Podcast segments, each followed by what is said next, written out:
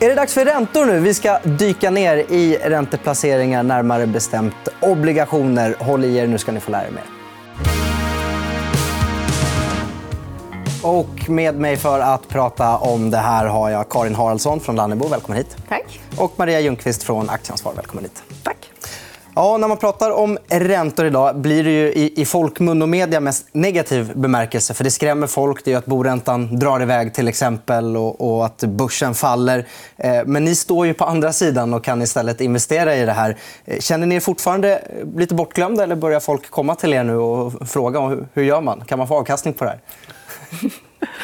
Men absolut gör de det. Ja. Ja. Ja, ja, det märks. Ny spelplan. Ja, och det har varit stora inflöden i räntefonder nu eh, det här året.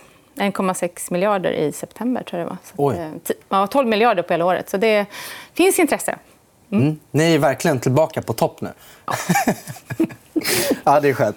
Eh, och jag, jag tänker vi kastar oss rätt in i en bild som eh, eh, Maria du har med dig som jämför eh, olika typer av ränteplaceringar. Då har vi bankkonto med fria uttag, bankkonto med bindning på upp till två år och sen då räntefond med kreditinslagen, anonymiserad sådan. Ja. Eh, och där ser man ju att det verkligen går att tjäna pengar nu i en räntefond. Ja, absolut. Eh, nu är det här portföljräntan. Det är inte avkastningen. utan eh, Det är vad den portföljen, när man summerar alla obligationer har för eh, marknadsränta. Och då blir det en slags indikation på vad avkastningen kan tänkas bli på ett års sikt om inte man får några stora ränterörelser. Eh, sen finns det ju fonder då som har både högre och lägre portföljränta. Det är eh, beroende på hur mycket risk som är i, i eh, fonden. Eh, och det är ju likadant med bankräntor. att eh, Alla banker har ju inte exakt samma ränta på likartade konton. Det finns ju variationer där också. Men det här är då opartisk, genomsnittlig information som Statistiska centralbyrån har tagit fram. Så att, det tycker jag ändå ger en bra bild. Och det är absolut skillnad. Sen ska man ju komma ihåg att en, en räntefond är ju marknadshandlade instrument. Då, så att avkastningen kan faktiskt bli både högre och lägre än vad portföljräntan indikerar i utgångsläget. Beroende på om obligationerna som man har då går upp eller ner i värde. Ja, vad som händer på marknaden helt enkelt. Ja. Men eh, det du får på bankkonto det är ju oftast garanterade pengar med insättningsgaranti. Men i en, en räntefond kan du drabbas av kreditförluster. Det kanske ska vara ett gap här emellan ändå. Ja, det ska det. Och det, det kan ju då vara ett högre gap då om det är en high yield-fond och ett lägre gap om det är en eh, konservativ fond. Eh, sen tas det ut en avgift också på fonden, får man komma ihåg. Eh, så att... Eh, eh, man får ju ta hänsyn till alla de bitarna. helt enkelt. Eh, Sen är det ju inte superhöga risker i, i räntefonder om man jämför med aktiefonder. Så att det är fortfarande ett konservativt placeringslag. kan man säga. Eh, vi eh, rör oss vidare i bildskörden. Och nu tänkte jag att eh, Karin, du ska få eh, ha lite skola här. Varifrån kommer egentligen kupongräntan? Kan du förklara vad är det vi ser här? Precis. Och det vi ser här är om, om de här bolagen eller då staten skulle emittera en obligation med fem års löptid idag. Eh, och då har vi jämfört med 2019. För Då hade vi ju minusränta. Vi fick ju betala pengar faktiskt för att investera i en eh, statsobligation, vilket var helt galet. Då var det man inte roligt att vara Det författare. var inte kul. Hur gör jag för att förlora så lite som möjligt? Ja, precis. Ja, men det var ju precis så det var. Ja. Eh, Så att en statsobligation idag du får ungefär 3 eh, Det är ju helt okej. Eh, Om man tar nästa bolag, då, fastighetsbolaget Castellum. eh, Ja, där började vi också på en minusränta. Då. Det här är Stibor. Då. Eh, Och sen så kanske vi fick 1 på, som kreditpåslag. Så vi liksom kravlade oss precis över noll. Eh, Men i dagsläget, då, om man skulle emittera då fem år Castellum, då har vi en grundränta på 4% och sen så kanske vi har ett påslag på 3 så man kanske får ungefär 7% investera. Det här är ett investment grade-bolag, ratat eh, eh, fastighetsbolag. Så att, eh, jag tycker det är helt okej. Ja. Fastighetsbolagen har haft det lite jobbigt. Vi kommer väl prata mer om det sen. Men, Ja, verkligen. eh, ändå. Eh, en annan, då, Volvo till exempel. Där fick vi ju knappt plus då, 2019.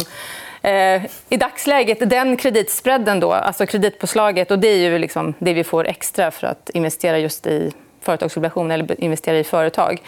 Eh, den har inte ändrats jättemycket, men man får ändå nästan 5% vilket också är bra.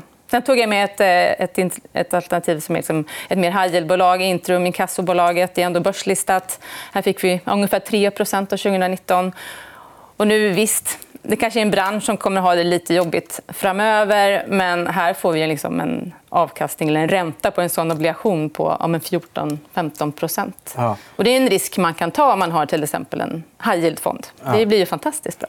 Och hur ska man tolka kreditpåslaget? Är det liksom den risken marknaden ser i bolaget? och Ju större påslag, desto mer risk ser marknaden. och Det vill man ha betalt för? Eller? Ja, exakt. Det vill man ha betalt för. Och det är det, det största jobbet vi gör egentligen. Är att bedöma hur stor kreditrisk är i det här ja. bolaget. Och då ser man, kan man också säga att på eh, vad blir det, fyra år så har marknaden skruvat upp risken i Castellum och Intrum, men Volvo är ganska same same. Precis. Det är branscher som har det lite tufft. Ja. Oh. Mm. Det har nog få missat. Ja. eh, okay. eh, bra, men då är vi med på vad kreditpåslag är och vi är med på var kupongräntan kommer ifrån i de placeringar man har. En sak som är lite intressant här också, tycker jag, om man tittar där på Volvo fem år. Du kanske var inne lite på det, men det här att liksom hela yielden kom från kreditpåslaget. Mm. Det blir ganska eh, ogynnsamt, kan jag tycka. Då. Eh, att man blir så beroende av den här kreditrisken man tar. Mm. Var, var lite... Inte någon ränta någon annanstans ifrån. Skulle du säga att marknaden var lite dysfunktionell? då? Alltså, det var ju den penningpolitiken som vi hade. så Det var ju rätt på något sätt. Men det leder ju till eh, lite konstiga konsekvenser ute i ekonomin när man har låga räntor länge. Eller extremt låga räntor länge. Mm. Eh, då blir det lite felbeslut ute i den riktiga, eller vad ska jag säga, den reala ekonomin. Mm. Ja. Men nu när pendeln har svängt, då, för den har ju svängt väldigt fort. Eh, och man har sett på vissa håll har det här blivit problem, till exempel då när amerikanska regionala banker har haft statsobligationer i böckerna som har tappat i, i värde då på grund av att man ska justera för att mm. räntan går upp. Och jag tror även brittiska pensionssystemet fick problem. Vad har ni sett i det liksom, ni tittar på? Ni kollar ju mest på svenska obligationer. Har, har har, man, har det liksom funkat med den här snabba vändningen utan att det blivit några extrema konstiga marknadshändelser? Ja, men det är ju jobbigt för fastighetsbolagen. Liksom. Det är väl där man ser det mest. Ja. Mm. Och det är också en väldigt stor sektor på den svenska ja. obligationsmarknaden. Och de har inte emitterat så himla mycket heller eh, de senaste året. man vill säga.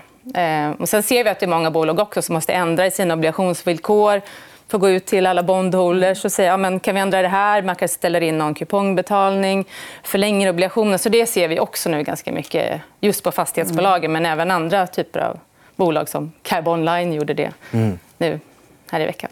Eh, hur ska man tänka med ränteinvesteringar om man är rädd att, de till exempel, att räntan till exempel ska fortsätta uppåt? För då antar jag att man antingen gärna vill ha något, en FRN mm. eh, så att man inte förlorar pengar. Eller?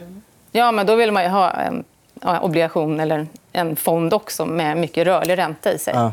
Så då följer liksom grundräntan med, som nu i Sibor i Sverige. Då. Om den går upp så hänger våra obligationer med där. Ja. Men visst, hur, hur ni gjort att... Ja, men vi generellt sett så investerar vi nästan bara i rörlig ränta. För att vi tycker att det vi är bäst på det är inte att bedöma hur centralbankerna ska agera eller hur räntekurvan ska flytta sig fram över i tiden. Man kan gå så fel och det kostar så mycket pengar. Vi bedömer mest kreditrisken i bolagen, så där lägger vi vårt krut. Ja, na, ja, man väljer ju så att säga vilken inriktning man vill ha. Ja. Eh, men jag har försökt utnyttja lite grann det här eh, utan att för mycket utsätta mig för de risker som Karin nämnde. Liksom. Att jag har inte gått jättelångt ut på räntekurvan, det vill säga jag har inte gjort placeringar som har gjort mig väldigt, väldigt känslig på det sättet som vi såg då i de amerikanska bankerna. Men jag har gått över och kompletterat de här FRN med fastkupongsobligationer för då låser jag in dagens ränteläge. Och jag tror personligen inte att vi får se så många fler styrräntehöjningar på ett tag. Eh, utan det kan ju till och med bli, bli så faktiskt att, att räntorna går ner. Att styrräntorna går ner, då kommer de korta räntorna gå ner. Då kommer Stibor gå ner. Och då blir faktiskt FRN lite av en förlorare på det. Och då är det bra att ha någonting som komplement, där man har mm. låst in dagens räntenivåer. Om, om du fick betta om tre år, står räntan, eller styrräntan högre eller lägre än idag? Om tre år? Ja. ja står nog lite lägre faktiskt. Ja, ja. Vågar du också på en gissning, Karin? Ja, jag hoppas att de står lite lägre. Ja. Men inte jättemycket lägre. Nej. Vill ni tillbaka till minus? Nej, nej, aldrig. Nej, där går Nej. gränsen. Aldrig till och med. Ja. Ja. Mm. Eh, Okej. Eh, bra, men då har jag koll på det. Eh, en annan potentiell konjunkturindikator det är ju betalningsinställelser. Vi har en bild på det. Och när man tittar på, på, på det här så ser ju ändå på något sätt stressnivån på marknaden och, och konjunkturläget ganska stabilt ut, eller? Ja, det kanske du jämför då med 2020 och eh, Lehman. Som, eh, Lehman var ju verkligen ett extremt... Det såg ju till och med jobbigare ut 2016 än idag. Eh, absolut. Eh, men eh, vi har ju ändå att betalningsinställelserna är på väg upp. Eh, vilket ju normalt sett är negativt för företagsobligationer.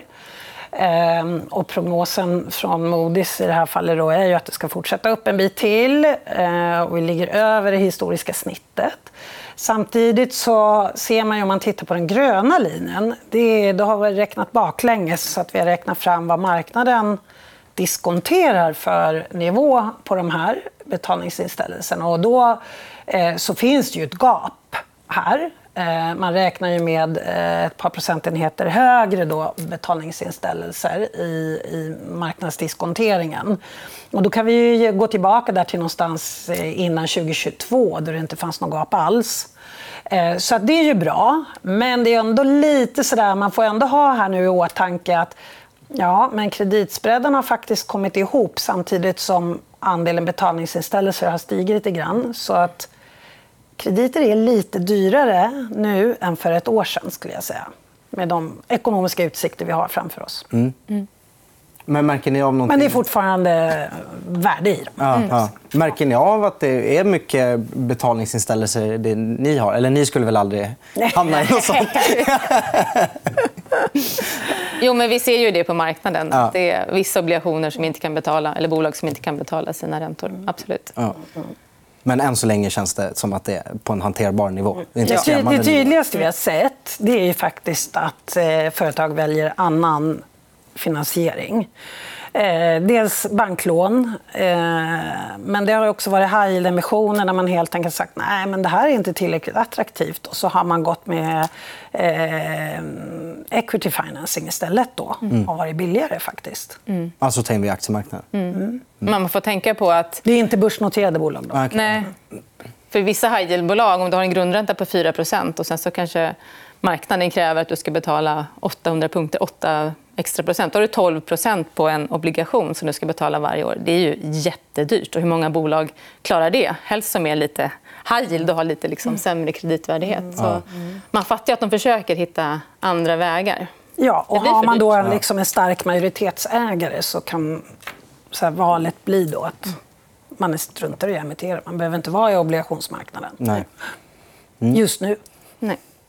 Rätt som det kanske man måste. Eh, Jag tänkte vi ska prata lite fastighetssektorn också eftersom att, ja, det är ju de som är piggast på att emittera obligationer här i Sverige. Och, ehm, eh, vi kan ju börja med att titta lite på kreditspreadarna här där man ser att en viss typ av eh, fastighetsobligationer har väldigt högt eh, påslag då blir det på något sätt, eller en hög spread. Ja. Och det är de som är trippel B, alltså investment grade, inte de bästa men bra. Ja, precis. Och det här är bara då investment grade i den här grafen. Ja. Eh, Så triple B, ja, det är inte den bästa investment grade. Men det här är bolag som Castellum eller Balder eh, som vi ser på den här grå grafen. Eh, Och vi tyckte att oj, det spreadades här jättemycket under Vad beror det på? Vad är det som att det blir så? Jo, men man känner ju, det blir, räntorna blir högre. Man är ju rädd att de inte ska kunna refinansiera sina, sina obligationer. Det var ju nästan ja, det var ju panik under början av året. I alla fall häxjakt i, i media. kanske. Vi investerare kanske inte var lika oroliga. Ja. Då Eh, kan ni sen- tacka media för tillfället. Ja, tackar, tackar.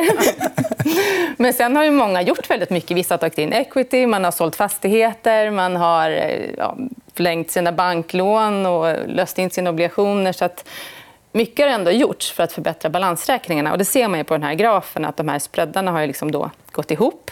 De är fortfarande på väldigt höga nivåer, vilket är attraktivt för oss investerare, tycker jag. Eh, det andra klustret här det är resten av bolagen. Det är finare ritade eh, fastighetsbolag, det är industribolag, eh, banker. De ligger också på ganska höga nivåer. Det är högre än vad det var innan corona. Mm. Så att, visst, där finns det också fortfarande värden, men de, det, är väldigt stor skillnad. det är samma rating på dem, men det är, det är en väldigt stor spread. Ja. Ja, verkligen. Ja. Eh, generellt då? Eh, det har varit mycket aktivitet när det gäller fastighetssektorn. Eh, Fabege ställde ut obligationer, va? Mm. Och sen Castellum. Mm. Så det har hänt ganska mycket ändå efter sommaren, eller? Ja, absolut. Ja. Och det är väl också investerardrivet att vi har velat att de ska ut obligationer. Lite för att få igång marknaden också. Eh, men man förstår ju på de här nivåerna som vi såg tidigare, det är väldigt högt. Och ett investment grade-bolag ska inte behöva ge ut en femårig obligation kanske på 8 Nej. Det blir väldigt dyrt. Varför gör de det, då, om de eh, inte vill? Eller? Nej, men det har de inte. De vill inte. Nej. Nej. Och, och, då krävde vi investerare det kanske i början av året. Men nu har vi ändå sett att det har hänt saker i bolagen. så att Nu kräver vi ju betydligt lägre mm. än så.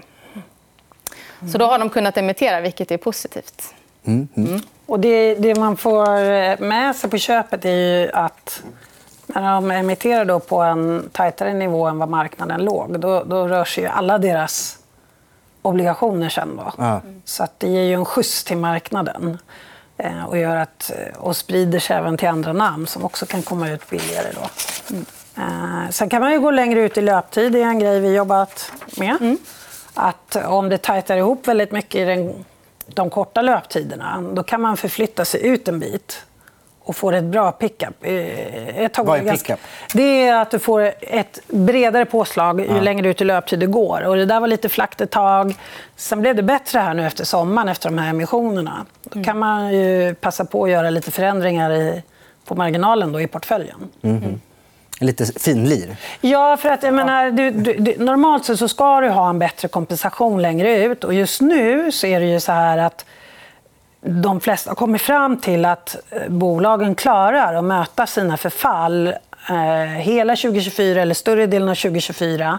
Men man är mycket, mycket mer osäker om 2025. Jag tror vi hade lite den diskussionen om M2 sist vi var här. Mm. det är väldigt tydligt nu med fastighetsbolagen. För när de har sålt då fastigheter och så vidare har de byggt upp en likviditet så de ska kunna visa oss investerare att, att de kommer att klara att möta förfallen. Mm. Och det har ju varit bidragande väldigt mycket då såklart. Men då, i förlängningen så innebär det ju ändå att du fortfarande har osäkerhet kvar längre ut.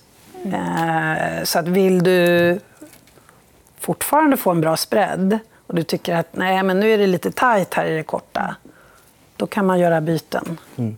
gå längre ut. En grej jag inte riktigt får ihop det är att men, när fastighetsbolagen då måste låna in pengar till 7-8 i ränta eh, och många av dem har köpt på sig saker som, alltså fastigheter som kanske gildar 3, 4, 5 det, det, För mig går inte det ihop att det de har köpt gildar sämre än det de lånar till nu.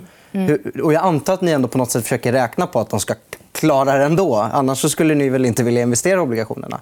Eller? Nej, vi räknar jättemycket på vad de har för kassaflöden. Kan de möta och betala ut kupongerna? Det är det som är viktigt för oss. Ja. Egentligen. Det är inte hur bolaget går på topline som aktiemarknaden tittar på. Mm. Det är mer så klarar de sina förfall, klarar de att betala kupongerna mm. med sina kassaflöden. Och just nu den... ser det ut som att de gör det. De flesta. De flesta, inte ja, alla. Inte alla. Nej. Men det är därför en del får sälja nu. Då. Mm. Så att det är ju, det är ju, man har ju gått från en period då, då det har funnits någon ett väldigt starkt incitament för dem att expandera sina fastighetsportföljer. Nu har ju den pendeln gått åt andra hållet. Då för att, eh, så att, eh, det är ju som du säger, nyinvesteringar är svår att räkna hem för en belånad investerare. Mm. Men du, hjulet spinner åt andra hållet nu. Du får krympa portföljen helt enkelt. Mm. Tills du är i balans. Ja, och hitta andra köpare än just de som ger ut obligationer. kanske. Mm. Ja. Vilka som inte klarar att betala? Det får vi se. Det, får, det, var, det var ett bolag som inte klarade att betala idag. Så att, Oj. Ja. Men du vill inte säga vilka det är? Ja, kvaliteterna. Ja, just det. Det kom ut i media i och för sig. Mm. Mm. Ja, ja, okay. ja, och det kanske blir fler framöver. Vi får se. Om inte mm. räntan hinner svänga väldigt fort. Mm. Tack för att ni kom hit. Tack. Och det var allt vi hade att bjuda på i dagens avsnitt. Men vi är tillbaka nästa vecka igen. Tack för att ni har tittat. Hej då.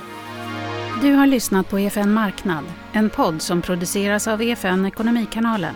Du hittar programmet även i videoformat på Youtube och på efn.se. Kom ihåg att prenumerera på podden och följ oss gärna på Instagram för fler aktietips. Där heter vi EFN Aktiekoll. Ansvarig utgivare är Anna Fagerström.